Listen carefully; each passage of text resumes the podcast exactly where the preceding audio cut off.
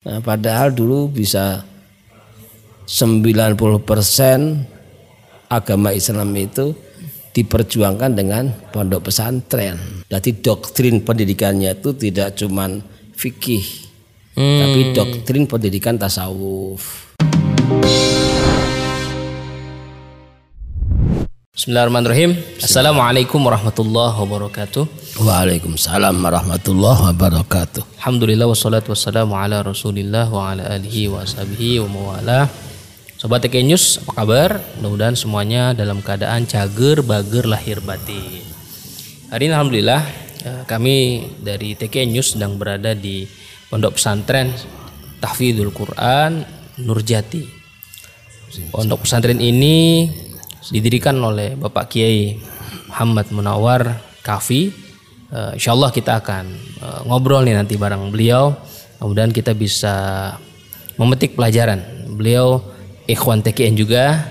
Beliau banyak berkecimpung di dunia Al-Quran. Dan beliau menariknya adalah menantu cicit dari guru kita, pengersa Guru Agung Syekh Tolhah bin Tolabuddin Kalisafu Cirebon. Assalamualaikum Pak Yai. Waalaikumsalam warahmatullahi wabarakatuh. Alhamdulillah. Sehat Pak Yai ya? Alhamdulillah sehat. Ini seneng nih bisa hadir di pesantren Tafizul Quran. Kalau dulu Pak Yai ke TKN News. Iya. Nah, sekarang TKN News ke sini. Alhamdulillah. Waktu itu tahun berapa ya? Tahun berapa ya? 2018 ya? 2018 kalau nggak salah. 2018 Pak Yai ke sono. Waktu itu ngobrol sama Ustadz Andika. Iya. Ah, perjalanan ber-TKN. Ah, saya sempat eh, ini loh menyimak pemaparan Kiai ini kan apa namanya kisah sebelum ber-TKN tuh panjang. Panjang. Sampai akhirnya bertemu dengan TKN alhamdulillah masih istiqomah Pak Yai. Alhamdulillah. Alhamdulillah. Dan di pesantren ini rutin melazimkan eh, setiap ba'da sholat Pak ya. Iya. Zikir jahar. Zikir jahar. Kian Suralaya. Setiap minggu khataman. Ah, setiap minggu hataman, alhamdulillah. Dan kemarin juga sholat rajab di sini ya. Iya. Sholat rajab di sini. Jadi buat Iwan Ahwat nih yang daerah sekitar Cirebon, misalnya mau hataman, bingung nyari tempat hataman, ke sini aja. Sini aja. Malam Jumat. Malam Jumat. Alamatnya di mana Pak Ye? Di Alamat lengkapnya. pesantren Tahfidz Quran Hafiz Quran Nurjati. Nurjati, Blok Kebon Taman. blok-blok kebun taman ya. Taman. Khalwat. Kholwat. Ah, ini Desa Kalisapu. Desa Kalisapu. Ini eh, wilayah kampungnya Syetolha. Iya. Nah, dekat dengan makam beliau. Makam beliau Dekat dekat. juga dengan pemakaman Sunan Gunung Jati. Iya. Ah, Dekat. Dekat sekali. Ini eh, yang saya penasaran itu dari Pak Yai ini kan menikah dengan Cicit Syetolha. Kalau boleh tahu Pak Yai, punya informasi eh, yang belum tersebar luas nggak tentang Syetolha? Karena kita minim nih Pak Yai, terus terang. Kita mau cari informasi tentang Syetolha sulit kita temukan. Mungkin ada informasi dari Pak Yai yang eh, banyak bergaul dengan eh, Zuriyah. Nah, apalagi sekarang menjadi zuriahnya beliau, menjadi eh, keluarga besar Syetolha. Ya kurang begitu mengenal sih Hmm, kurang begitu Hmm. tentang apa tuh Mas Syekh Tolha itu. Cuman dahulu katanya itu cerita-cerita. Iya. Beliau tuh kalau hataman Hmm. di Bekong itu santri-santrinya sampai pada terbang. Santrinya apa pada Pada terbang? terbang ada yang di atas kelapa, Oh. mang- mangga kelapa itu. Kalau lagi hataman ya pada terbang. Hataman terbang. Zikirnya itu. Zikirnya itu. Masya Allah. Sebenarnya Syetolha itu punya karya nggak Pak Yai? Karya tulis. Karya tulis sebetulnya itu banyak. Syetolha Iya. punya karya tulis banyak. banyak cuma di tersebar pada cucu-cucunya kan banyak Hmm. termasuk di mertua saya sendiri itu dulu pernah beliau tuh bilang ke saya ini coba lemari ini kita banyak sekali peninggalan-peninggalan yang mana di toko itu banyak yang nggak ada. Iya.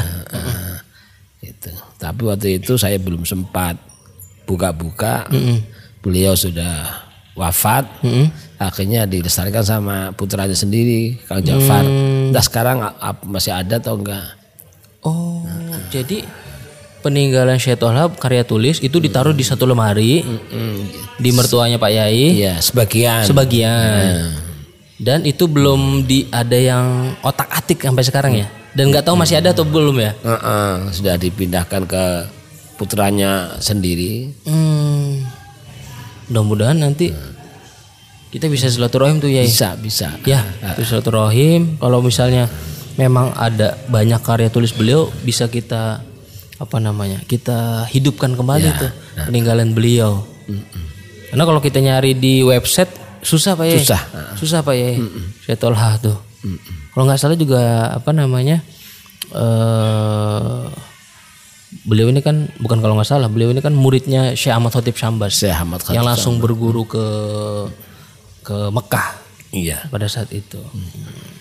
Mungkin selain itu apa ada informasi lain ya? Nah, ada informasi lain Al-Qur'an yang ditulis dengan tulisan tangan.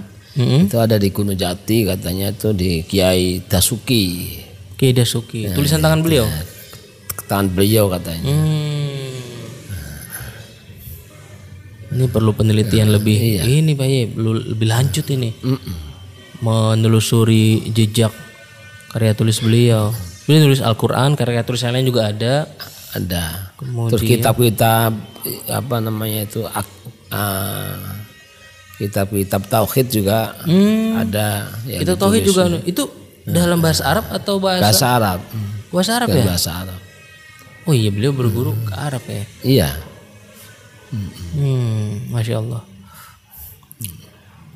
Mungkin yang diingat ada lagi nggak ya? Kita lagi ngulik. Iya. Soalnya informasi ini kan berharga pak ya. Iya. Nggak setiap Ikhwan tahu. Kalau Syekh Tolha tuh punya karya tulis, kemudian juga nulis Al-Quran pakai tangan gitu. Artinya beliau kan min ahlil Quran, Min ahli Quran. min ahlil Quran. Banyak gak dari keturunan beliau keluar eh, yang menjadi min ahlil Quran ya? Termasuk ada juga itu Kiai Ja'far, Kiai kakak saya itu. Hmm. Hafid, Hafiz. Yai juga nih lanjut pesantren tahfiz Quran. tahfidz Quran. Alhamdulillah. Kalau boleh tahu dulu Pak Yai mondok di mana tuh? Sampai dapat Dulu mondok saya itu dari tahun 76. oh tahun 76. Nah, masuk ke pesantren Kaliwungu Mm-mm. dua tahun. Kendal. Kendal. Hmm. Karena deket sama rumah. Oh. Kira-kira satu oh, iya, kilo. Pak Yai asli orang Kendal ya? Asli Kendal. Oh iya iya. Kemudian dua tahun pindah ke pesantren Pekalongan. hmm. Pesantren mm, Ulumul Quran. Ulumul Quran. Buaran. Buaran. Tahfidz hasil di sana di Buaran. Hmm, Itu dengan Kiai siapa ya? Kiai Syafi'i Kiai Syafi'i. Hmm. Nah, ngaj- Qurannya sama Kiai Sa'dullah dulu sudah mengajar di Mekah Mm, mm, mm, mm. Kemudian disuruh pulang dibuat ke pesantren itu sama Kiai Syafi'i Oh, di, beliau berguru ke Mekah. ya sudah menjadi guru Udah di jadi Mekah guru, kemudian disuruh pulang, disuruh pulang bangun pesantren. dia bangun pesantren Pak Kiai mondok di situ. mau di situ Hmm, Masya Allah. tadi bantu sama Kiai Abdul Malik Hmm. Kiai Sa'dullah eh, Kiai Abdul Malik Kiai Irfan Hmm.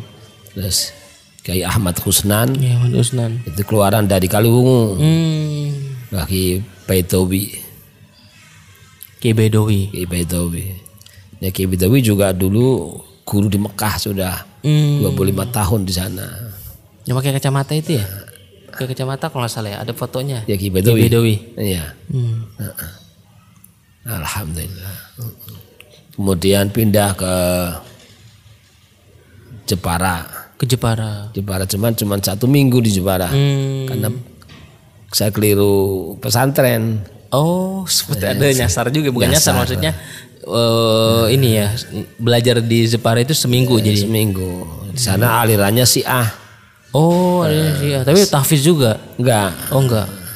Karena waktu itu saya ingin belajar yang fokus kitab. Saya cari-cari informasi, dikasih informasi di Jepara, Bang Sri. Ya, Saya ikuti ke sana. Ternyata di sana itu si A. Hmm, akhirnya pindah. Akhirnya pindah ke Tebireng.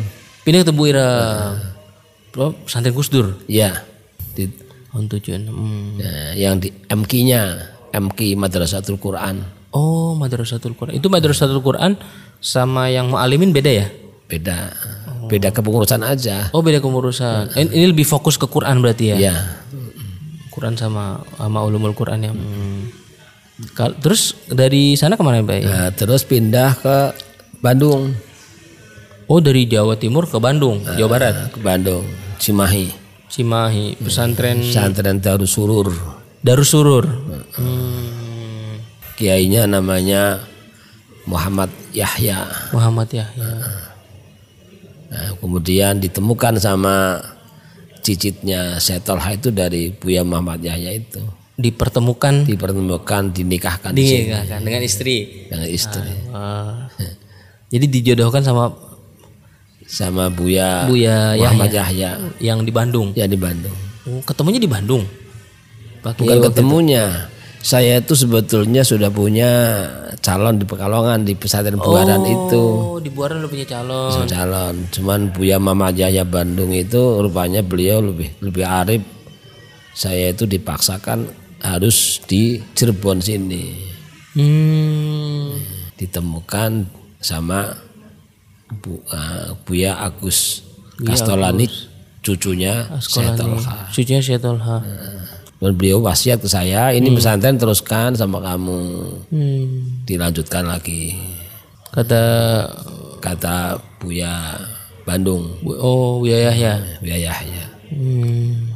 Kebetulan mertua sendiri juga pernah menyuruh saya tuh nga- mengajar santri Hmm. yaitu kitab-kitab disuruh lihat nanti diajarkan kepada santri-santri gitu. Hmm. Dan rumah itu dijadikan wakaf. Rumahnya Ki Agus itu yang lama itu dibuat pesantren. Hmm. Jadi masing anak-anaknya itu masing-masing buat rumah sendiri-sendiri. Hmm. Dari sana kemudian Udah sempat sini.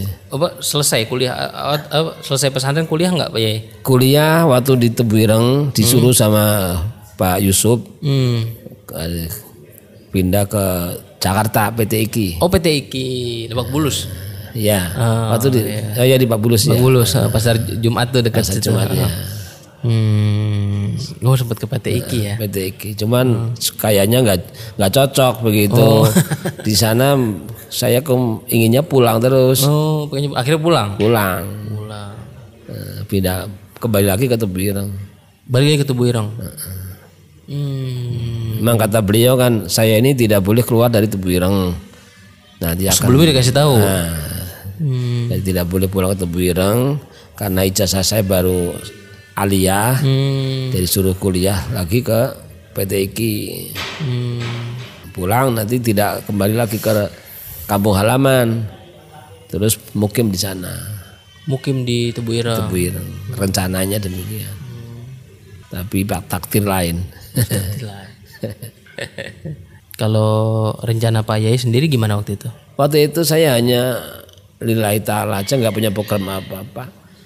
Malah saya itu punya perasaan saya tuh ingin ikut kiai aja. Oh, Tidak mau pulang ke ke rumah. lebih betah di pesantren. Pesantren ikut kiai sana. Hmm.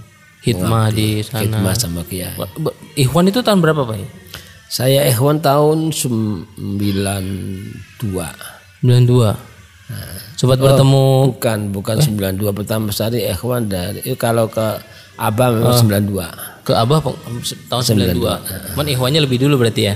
Iya, Ada kemungkinan lebih dulu. lebih dulu TGN di Buya Muhammad Yahya Bandung. Oh, oke.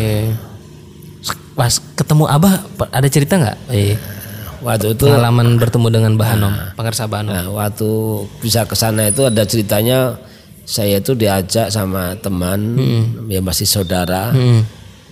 eh, ikut apa namanya itu ah, ikut apa itu namanya itu Penataran. penataran ya penataran, penataran mubalik Mhm. saya ditunjuk untuk wakil Cirebon ini kamu nawar aja Hmm. yang masih ada bau cicit-cicitnya saya tolak Iya. gitu. Nah, waktu itu saya meminta izin sama mertua Ki Agus. Boleh mangga ke sana. Gitu. Itulah mulai ketemu sama Abah. Ada kesan pertama kali nggak Pak Yai waktu bertemu dengan Abah? Iya. Waktu bertemu sama Abah ada kesannya itu begitu saya pamit sama mertua mau ke Abah. Mertua saya itu semangat sekali Oh semangat sekali ya. eh, semangat apa namanya ngasih uang ke saya terus beliau bilang kirim salam sama Abah Kirim salam sama Abah. dengan mengeluarkan air matanya Allah sana sini.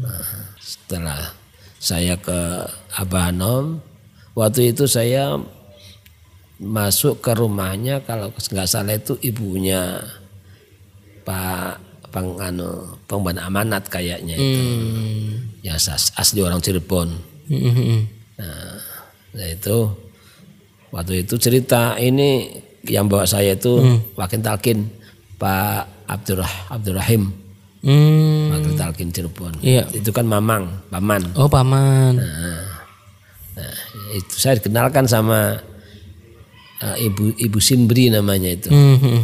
Nah ibu Simbri katanya ini Kang ini manantunya Ki Agus. Hmm, Ibu Simbri itu. Ibu Simbri itu kenalkan ke saya itu. ya. Nah, Ibu Simbri mengenal Ki Agus juga beliau langsung serentak kaget. Saya itu mau ke Cirebon sudah kangen sama Ki Agus. Ini saya muridnya kata. saya muridnya Ki Agus dari kecil saya itu ikut sama Ki Agus. Setelah itu saya dibawa Abah ke sini setiap aku ingin ke Cirebon pamit ke Abah nggak boleh Oh. Nah, udah cukup di sini aja sampai sekarang gitu. Aku ini ingin ketemu sama Buya sama Ki Agus Hmm. dia bilang begitu Abah Hanum datang Oh, Abah Hanum datang. eh, ke rumah Ibu Simbri itu Hmm. Ibu Simbri itu juga kaget Ibu Simbri rumahnya jauh dari ya saudara di ya? itu di sekarang di rumahnya pengersa penganu pengemban amanat Oh, Panjen. Panjen Hmm. Pengarsa Abah datang. datang kaget itu si ibu Simbi itu ini ada apa tahu-tahu apa mau ke sini Kamu ke sini. Eh, Aha. iya nggak nggak pernah datang ke sini nggak pernah ini mau ada apa ini gitu Hmm. wah itu terakhirnya beliau masuk ke rumah bawa kursi sendiri Abah bawa kursi bawa sendiri. kursi sendiri menghadap saya setelah menghadap gini ada seperti ini menghadap gini Oh, pengarsa Abah Hanum. Abah Hanum Ke, ke depan Pak Yai ini. Iya. Nah, setelah menghadap gini, aku bilang, Bah, saya mau silaturahmi ke Abah, tapi Abah sudah datang ke sini. Ini aku mau menyampaikan salam dari Buya Agus nah, Cirebon. Hmm. Assalamualaikum. Abah Hanum nangis juga. Abah namanya juga. Kayak seperti Seperti waktu waktu pesan, Kiai nitip Agus. salam. Eh, Jadi perasaan saya itu berarti kayak murid saya murid itu kayak nyambung. Oh. Itu kesan-kesan saya itu waktu. Itu kesan waktu pertama ke Suryalaya. Iya, cuman waktu itu saya disuruh talkin, saya belum berani. Hmm, belum berani. Jadi baru ketemu Abah Hanum aja. baru ketemu Nyampein salam berarti ya. Nah, padahal saya itu waktu salaman itu dipegang terus sama Abah Hanum tuh. Nggak dilepas-lepas. Waktu salaman Waktu tuh. salaman beliau dari masjid itu salat berjamaah, Hmm. kemudian beliau keluar berpapasan dengan saya, saya salaman. Beliau pegang terus. Allah, dipegang terus tangan Pak Yai. ya? Selama di masjid itu ya? Iya. Sampai Tapi nggak ngomong apa-apa. Nggak ngomong apa-apa. Cuman pegang aja tangan. Nah, baru pegang. Di genggam erat gitu ya. Iya, gang rap. Setelah itu saya mau talkin, ada kemauan talkin. Hmm. Cuman hati saya ini kayaknya kurang kurang pas juga. Saya belum izin sama Kiai Agus. Oh, itu yang membuat mau talkin tuh jadi maju mundur ya. Karena belum izin sama guru, Oke Agus. Akhirnya balik izin dulu. Akhirnya izin dulu. Nah, izin kemudian yang nalkin saya itu Kiai Mbak- Pak Soleh. Oh. Sorry. Pak Soleh, Jakarta ya. Jakarta. Hmm. Itu pertemuan pertama. Dan Selanjutnya Ada pertemuan selanjutnya dengan pengersa Banom? Nggak ada Nggak ada. Jadi sekali sekalinya itu. Hmm. Berarti Pak Yai udah nggak nggak balik lagi ke ini ya nggak balik lagi ke Suryalaya. Suralaya. Hmm. Nah, cuman seperaan saya itu punya feeling gini kalau memang saya cocok ke Abah Anom pasti saya itu ke sana lagi gitu. Oh. Terus semenjak di apa semenjak pertama ke Surabaya yang ketemu pengersa Banom itu balik lagi kapan tuh? balik lagi itu setelah ada masalah saya sendiri dalam hati itu melihat susunan amaliyah Mm-mm. yang saya lihat dari lemari mertua saya itu ada a- susunan amaliyah dari Semarang bagi Muslih Oh TKN. TKN Semarang Mm-mm. saya lihat Berarti Pak Yai ngelihat amalannya. eh, eh, Oh di terus satu lagi dilihat dari TKN. dari dari TKN Apa yang Kiai temukan? yang saya temukan itu kok ada kejanggalan di antaranya praktek pengamalan dikir. Hmm, di mana kejanggalannya? Nah, kendalanya Waktu itu? waktu itu tentang apa namanya baca tawasul. Kalau di sini kan ada masuk Sunan Gunung Jati. Hmm, yang Meranggen. Yang sini yang di Oh, yang di sini yang di Cirebon. Cirebon. Eh, kemudian ada yang sholawat yang di mana kalau menurut TKN itu dibaca khusus wakil talkin mau Nalkin. talkin, adapun pengamalan tidak dibaca. Oh, oke. Nah, itu di sini harus dibaca. Hmm. Saya lihat susunan dari Semarang juga sama tidak dibaca. Oh, ada kemiripan Ada berarti. kemiripan di TKN Suralaya tidak dibaca. Tidak dibaca. Akhirnya saya lihat lagi susunan dari Syekh Fatih Sambas, Hmm. Fathul Arifin. Fatul Arifin. Nah, saya baca itu sholawat itu tidak dibaca kalau pengamalan. Hmm. Nah baru itu saya gejolak itu. Saya tanyakan ke Kiai Kosim, Kiai Kosim juga nggak nggak ngerti. Kiai Kosim ini siapa ya? Adiknya Kiai Agus yang di Gunung Jati. Oh, adanya Kiai Agus. Hmm. Beliau juga menyerah. Aku tidak ngerti ini. Ah, kenapa susunannya seperti ini? Seperti ini. Saya itu dapat dari orang tua saya. Seperti ini saya amalkan apa adanya. Adapun ini tabani, tabani itu saya nggak ngerti. Hmm. Nah, berarti itu saya timbul. Bagaimana kalau mau ke Abanom, Hmm.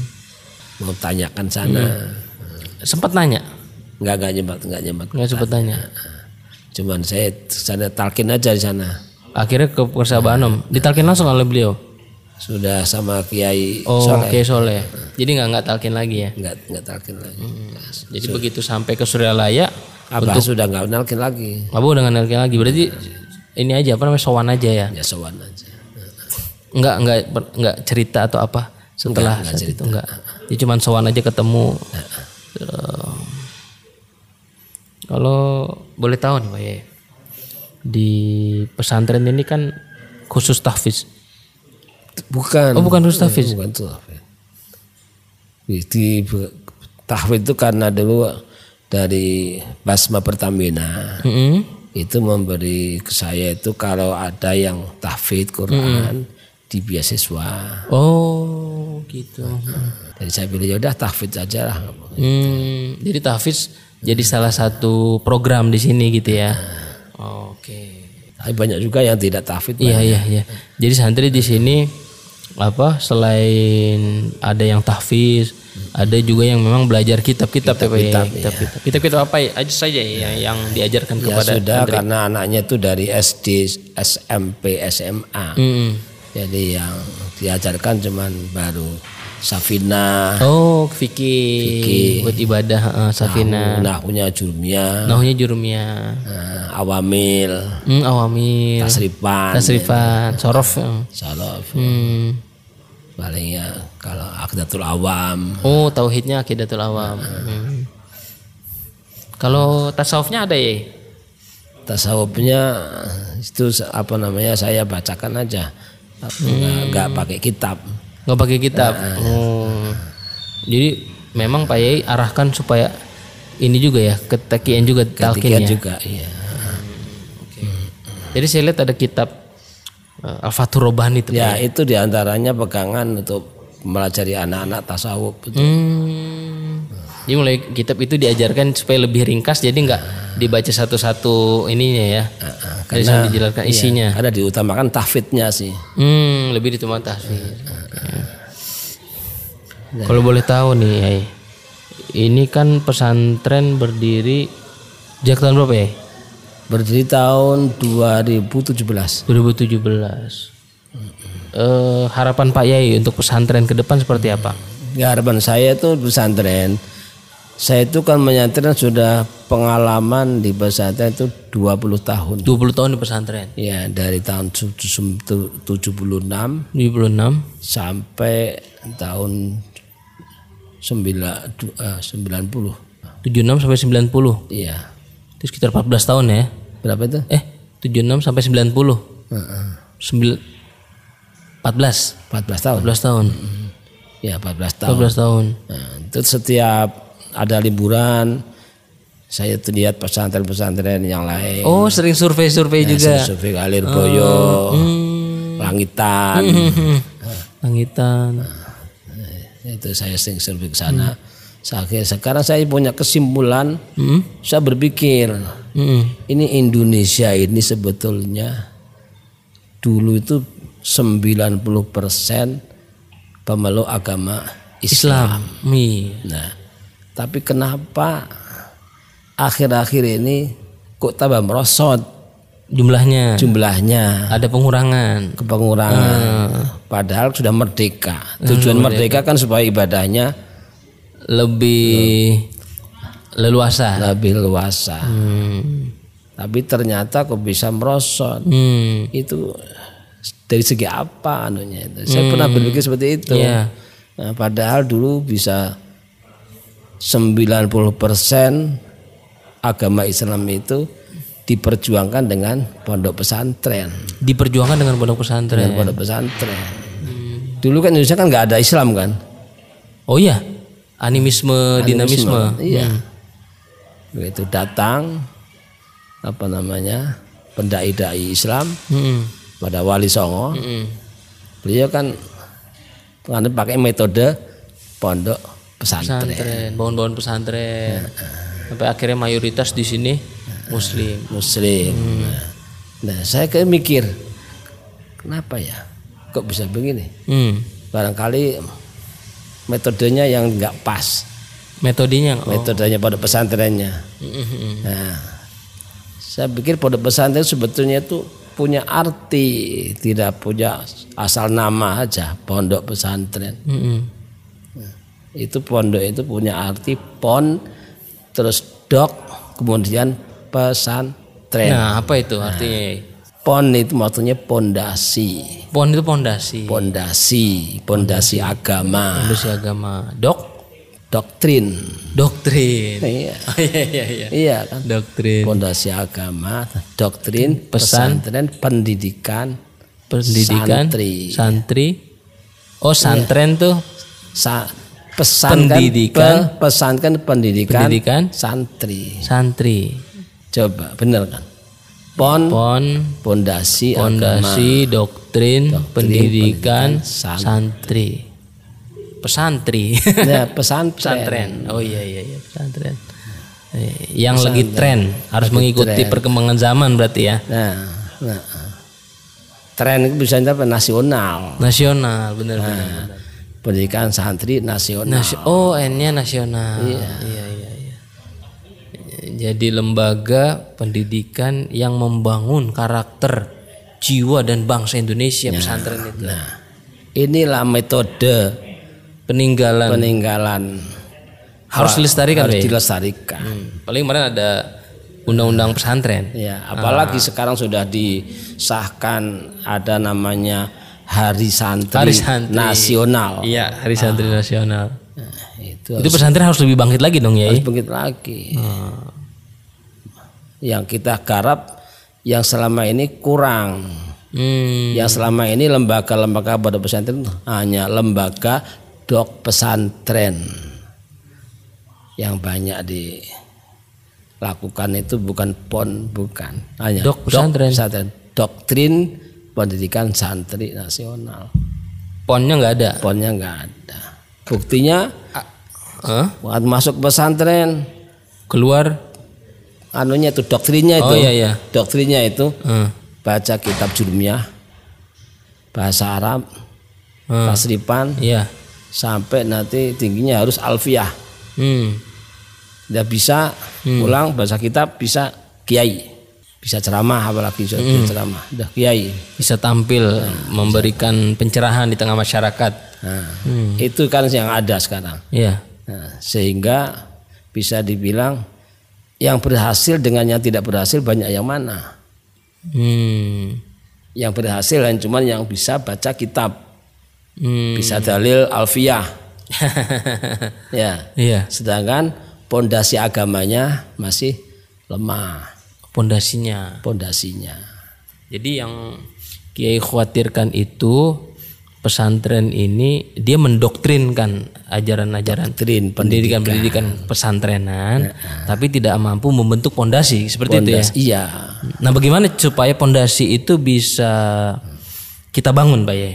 nah caranya harus TKN Oh, TKN di antaranya karena dari doktrin pendidikannya itu tidak cuman fikih Hmm. tapi doktrin pendidikan tasawuf oke. Jadi yang dimaksud dengan pondasi itu tidak hanya doktrin pendidikan secara keilmuan fikih, tapi juga ada tasawuf. Oke. nah dipraktekkan dengan Dipraktekkan dengan tarikoh. Toriko. Nah, karena yang kita hasilkan itu pesantren itu yang dituju itu syariat, tarekat, hakikat, ma'rifat. Gimana tuh Pak Yai? Penjelasannya tuh syariat, tarikot, tarekat, hakikat, hakikat, ma'rifat. Yaitu melalui doktrin pendidikan. Mm-mm. Di doktrin pendidikan fikih, di doktrin pendidikan tasawuf, Hmm. di antaranya akhirnya jadi nanti bisa syariat syariat itu wa ma'atakumur rasulu fakhudhuh wa ma nahakum anhu fantahu Hmm, Itu syariat. itu syariat jadi belajar supaya tahu mana perintah Allah mana larangannya Allah Hmm. nah itu syariat Kalau nggak tahu nggak bisa dijalanin. nggak bisa jalani Harus tahu dulu mana perintah mana larangan. Itu syariat. syariat nah setelah syariat pindah Pindah. lakunya torekat Toriko. tarekat ya itu tasawuf itu tujuannya apa diamalkan mengamalkan Setelah tahu, setelah tahu diamal Diamalkan. Itu toriko. tarekat Oke, jadi syariat itu tahu nih kewajiban ap- apa larangan-larangan. Toriko itu mengamalkan apa yang sudah ditahu, keta- diketahui. nah Itu toriko. tarekat maksudnya maksud tujuan tarekat itu itu Hmm, ada jalannya ya. Nah, jalannya setelah tarekat pindah lakunya hakikat Hmm. hakikatnya kan mengamalkan ini karena siapa karena Allah ikhlas Oh, oke. Jangan sekedar menjalankan. Ada niat di niatnya, niatnya karena Allah. Jangan salah niat ya. Jangan ya. salah niat. Jangan salah niat. ikhlas. Setelah ikhlas, ke- kemudian makrifat. Nah, gimana tuh ya? Ya makrifat itu buktinya makrifatul hak. Ma'rifatul haq. Hakon, wa makrifatul batili batilan. Wa ma'riful batili batil. Batilan. Artinya mengenal kebenaran. Mm-mm. Allah benar sebagai Tuhan, Mm-mm. benar. Ya disembah. Jadi semua kegiatan aktivitas kita ini orientasinya ibadah Nah, itu. sebagai bentuk kita pengabdian gitu ya ya. Nah, pengabdian. Nah, empat ini harus apa namanya kita miliki keluar dari pesantren. Makanya ada IT. Nah itu apa tuh? IT. Kalau IT zaman dahulu tidak seperti IT zaman now. Nah, gimana IT zaman dulu sama zaman dulu? Apa bedanya ya? Bedanya IT zaman now, zaman now Heeh. ilmu teknologi. Ilmu teknologi sekarang. Sekarang. Kalau dulu gimana? Kalau dulu I itu ya Islam, Islam, iman, iman, ihsan, Islam, iman, ihsan, ikhlas. ikhlas. Oh, T-nya T-nya apa? takwa, Takwa, tawakal, tawakal, tauhid, tauhid, taubat. taubat. Jadi beda ya. Oh, berarti IT zaman sekarang itu harus dipadukan ya. Harus dia. Itu Jadi hanya IT zaman dulu sama sekarang harus dipadukan ya. ya dipadukan. Hmm. IT yang zaman itu untuk pelengkap saja. Oh, untuk pelengkap aja sebetulnya ya. Jangan dijadikan tujuan. Tujuan. Oke. Sehingga nanti hasilnya ke setiap ada pesantren situ kan pasti ada kiai, Ya. pasti ada santri. Mm-mm. Itu sebetulnya itu hasil pesantren itu kiai, santri itu Hasil hasilnya pesantren? keluarlah kiai, keluar santri. Oh. Maksudnya kiai itu apa? Iya iya iya. Ki itu maksudnya kan K sama I Ki. kuatkan iman. Wah, ki- Nah, jadi kuat Iya imannya. Kuat iman kiai itu. Kalau yai apa? Iya iya, Pak. Yakin, agama Islam. Iya, yakin agama Islam. Yakini agama Islam. Pak Yai pinter bikin Nah. ini iya kan gitu. Eh, Kalau santri tadi Nah, kalau santri eh, saatnya saatnya ajaran ajaran Nabi Nabi tegakkan tegakkan Republik Republik. Indonesia. Waduh. Taat agama dan negara tanbih nih. Ya, itu. Nah, kalau zaman now sekarang ya Ya. karena apa namanya ukuran keberhasilan pesantren itu bisa baca kitab, Hmm. bisa baca, bisa ceramah. Hmm. Jadi akhirnya jadi bukan kiai nanti hasilnya tuh kebanyakan itu yang banyak itu bisa jadi apa preman berjuang. Preman berjuang. Ah, ah. yang banyak tapi banyak jadi kiai juga ya cuma kebanyakan preman berjuang apa itu preman berjuang Apa itu? presentasinya mantap beras baju uang Orientasi materi lah ya. Ah, materinya Materi. itu. ya. Jadi ketika orang lulus pesantren, tujuan utamanya jangan sampai materi, gitu ya ya. ya makanya doktrin a- Pondasinya harus kuat ya? harus kuat. ya coba bayangkan kita setiap buat rumah Iya. itu kan diperhatikan kan pondasi Oh iya, pondasinya dulu betul. Kita mau bangun setinggi apa harus pondasinya dulu diperhatikan. yang kuat Hmm. Kalau pondasinya asal-asalan salah-salahan ya mau bangun setinggi apa pun runtuh runtuh, betul betul. Dan pondasi ini lewat TKN, iya gitu ya. Karena pondasinya apa itu? Isinya itu. Iya. Kalau pondasi rumah kan biasa apa itu Besi, semen, besi, besi, batu, pasir, kali, batu. ya. Kalau pondasi agama itu ya iman, iman, tauhid, tauhid, tawakal, tawakal, ikhlas. ikhlas. Iman Islam ihsan itu lah ya tadi Iya. ya. Itu yang paling pokok Itu paling kita pokok. kuatkan. Pokoknya banyak sekarang apalagi orang-orang yang bodoh, orang pinter aja Hmm. itu masih tauhidnya masih kurang. Hmm. Nah, ini bicara tentang TKN ya. Ini kan orang ke TKN oh, berarti otomatis menguatkan itu ya. Nah, otomatis kepada pondasi agama. Jadi jadi kalau misalkan punya anak pengen belajar apa ingin menguatkan yang tadi Pak Yai bilang, di TKN kan aja ya. Ya, Biar lebih mudah. seharusnya. Seharusnya. Udah gitu TKN ini bahkan untuk mereka yang tidak mengenyam di pendidikan pesantren, itu bisa kan ya? Itu bisa harus bisa, harus bisa, bisa, karena itu pondok pesantren metode. Metode. Metode Islam supaya kokoh bahkan sampai 100%. Karena siapa coba yang tidak ingin Islam itu kan maksudnya itu ingin selamat. Is, I- Islam ya. ingin selamat, ingin senang. ingin senang. S. S. Ya, ingin sukses. Ingin sukses, selamat, Is. senang, sukses. Ya, Oke. Ingin sempurna. Ingin sempurna. Is juga kan. Heeh. Ingin sugih jadi Ingin orang kamu apa kan. S kan. Heeh. Siapa orangnya yang nggak ingin itu semua? Oh iya. Lama itu. Hah? Ingin surga. Ingin surga. Oh iya, ingin surga. Ya. Banyak keinginan lah. Iya, pokoknya semua yang diinginkan manusia, Hmm. nah, itulah selamat, senang, sukses, Oh. sempurna, surga. Iya iya iya. Itu ba- berbagai apa pun keinginan. agamanya. Apa pun agamanya. Ingin senang, betul ingin senang. Iya. Apa itu anunya? Nah itu lam tuh apa teh? Lam. lakukan lakukan ajaran ajaran Muhammad oh Sallallahu alaihi wasallam. Ya sebenarnya ketika kita bertarekat pun itu menteladani Nabi. Iya. Karena oh, karena pengar sahabat sendiri kan warasatul anbiya. Iya. Oke. Iya. Jadi Islam itu sebetulnya tuh semua manusia di muka bumi ini kepingin semua. Iya pengen selamat, Nah, ini sama, pengen sejahtera, sejahtera. pengen senang dunia akhirat.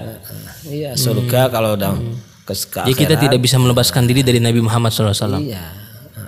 Jadi Islam itu kalau begitu tidak harus diperjuangkan dengan senjata, tidak harus diperjuangkan dengan eh, intimidasi. Dengan sendirinya dia pasti ikut. Mm-mm. Karena semua keinginan orang ada di situ. Ada di situ. Oke, oke, nih Pak Yai. Ini kan banyak, insya Allah banyak ikhwan akhwat yang nonton ya. Pak Yai punya pesan nggak nih buat ikhwan akhwat yang ada di tanah air kita nih, yang nonton nih? Ada pesan nggak? Ah, ya pesan-pesan. Nah, Pesannya ya itulah kita pondok pesantren kita lestarikan. Pondok pesantren dilestarikan. Nah, pondok pesantren bukan hanya sekedar pondok pesantren itu lembaga, Bukan sekedar bangunan pondok pesantren. Ah, bukan. Itu dipraktekkan untuk Ajaran-ajarannya. sehari-hari, untuk sehari-hari. Untuk sehari-hari. Nah, yaitu masing-masing pribadi Muslim sekarang pondasi agamanya diperbaiki Oke. dengan cara yaitu TGN. Oh, jalan paling apa namanya ringkes lah, Nah. komplit. komplit. Ada ajarannya, ada gurunya, ada komunitas persaudaraannya. Masya Allah. Syukur di doktrin pendidikannya itu dimasukkan ke lembaga. Kayak lembaga pondok pesantren kan doktrin pendidikan Iya, kan. dokter pendidikan. Nah, nah. setelah itu nanti hasilnya Hmm? tidak ada orang yang gagal. Hmm, Di lembaga pondok pesantren nggak ada yang gagal. nggak ada yang gagal. Karena pondasi agamanya udah kuat. Kuat. Adanya itu ini orang alim, ini lebih alim lagi. Ini lebih alim lagi. Oh, Oke. Wa kullu dzi ilmin alim. Jadi setiap ada yang pintar pada yang pintar lagi. Di atas langit masih ada langit. Nah, jadi tidak ada orang yang mengatakan, aku gagal sih. Kenapa gagal? Aku mondok baru tiga tahun, udah suruh pulang. nah, maksudnya gagal apa? Aku baca kitab belum bisa. Oh, Kan hanya gitu. iya. Kemudian hasilnya praktek sehari-harinya apa? Dia kalau tidak punya modal, dia tukang becak Hmm, atau kuli bangunan. Iya. Nah, akhirnya karena tauhidnya itu lemah. lemah, imannya lemah, Hmm. sehingga mudah sekali meninggalkan agamanya. Hmm, betul betul ya. Itu di pesan penting tuh dari Pak Yai mengenai pondasi kita menjalani kehidupan Pak Yai. Ya, Oke, makasih banyak Pak Yai Munawar ya untuk waktunya, untuk kesempatannya, untuk tempatnya juga nih pesantren eh Tafiz Quran Nurjati ini mudah-mudahan pesantren Pak Yai ini semakin berkembang. amin. Kemudian teman-teman ikhwan, ikhwan akhwat pesantren Tekian Pontren, Suryalaya ini bisa bisa lebih apa ya, bisa lebih kompak di Cirebon nih. Amin. Amin amin amin. Eh, mudah-mudahan Pak Yai juga sehat terus Amin. Amin. dan nanti mudah-mudahan kita bisa gali tuh peninggalan Syetolha.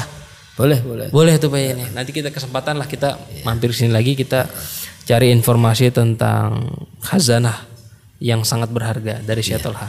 Insya Allah. Oke, Sobat TK News, terima kasih sudah menyaksikan dan mendengarkan. Eh, terima kasih juga buat yang mendukung channel kami TK News dan selalu support. Insya Allah eh, kebaikan ini menjadi manfaat untuk kita semuanya. Dan unduh aplikasi TK News, Insya Allah aplikasi ini akan bermanfaat untuk kita semuanya. Amin.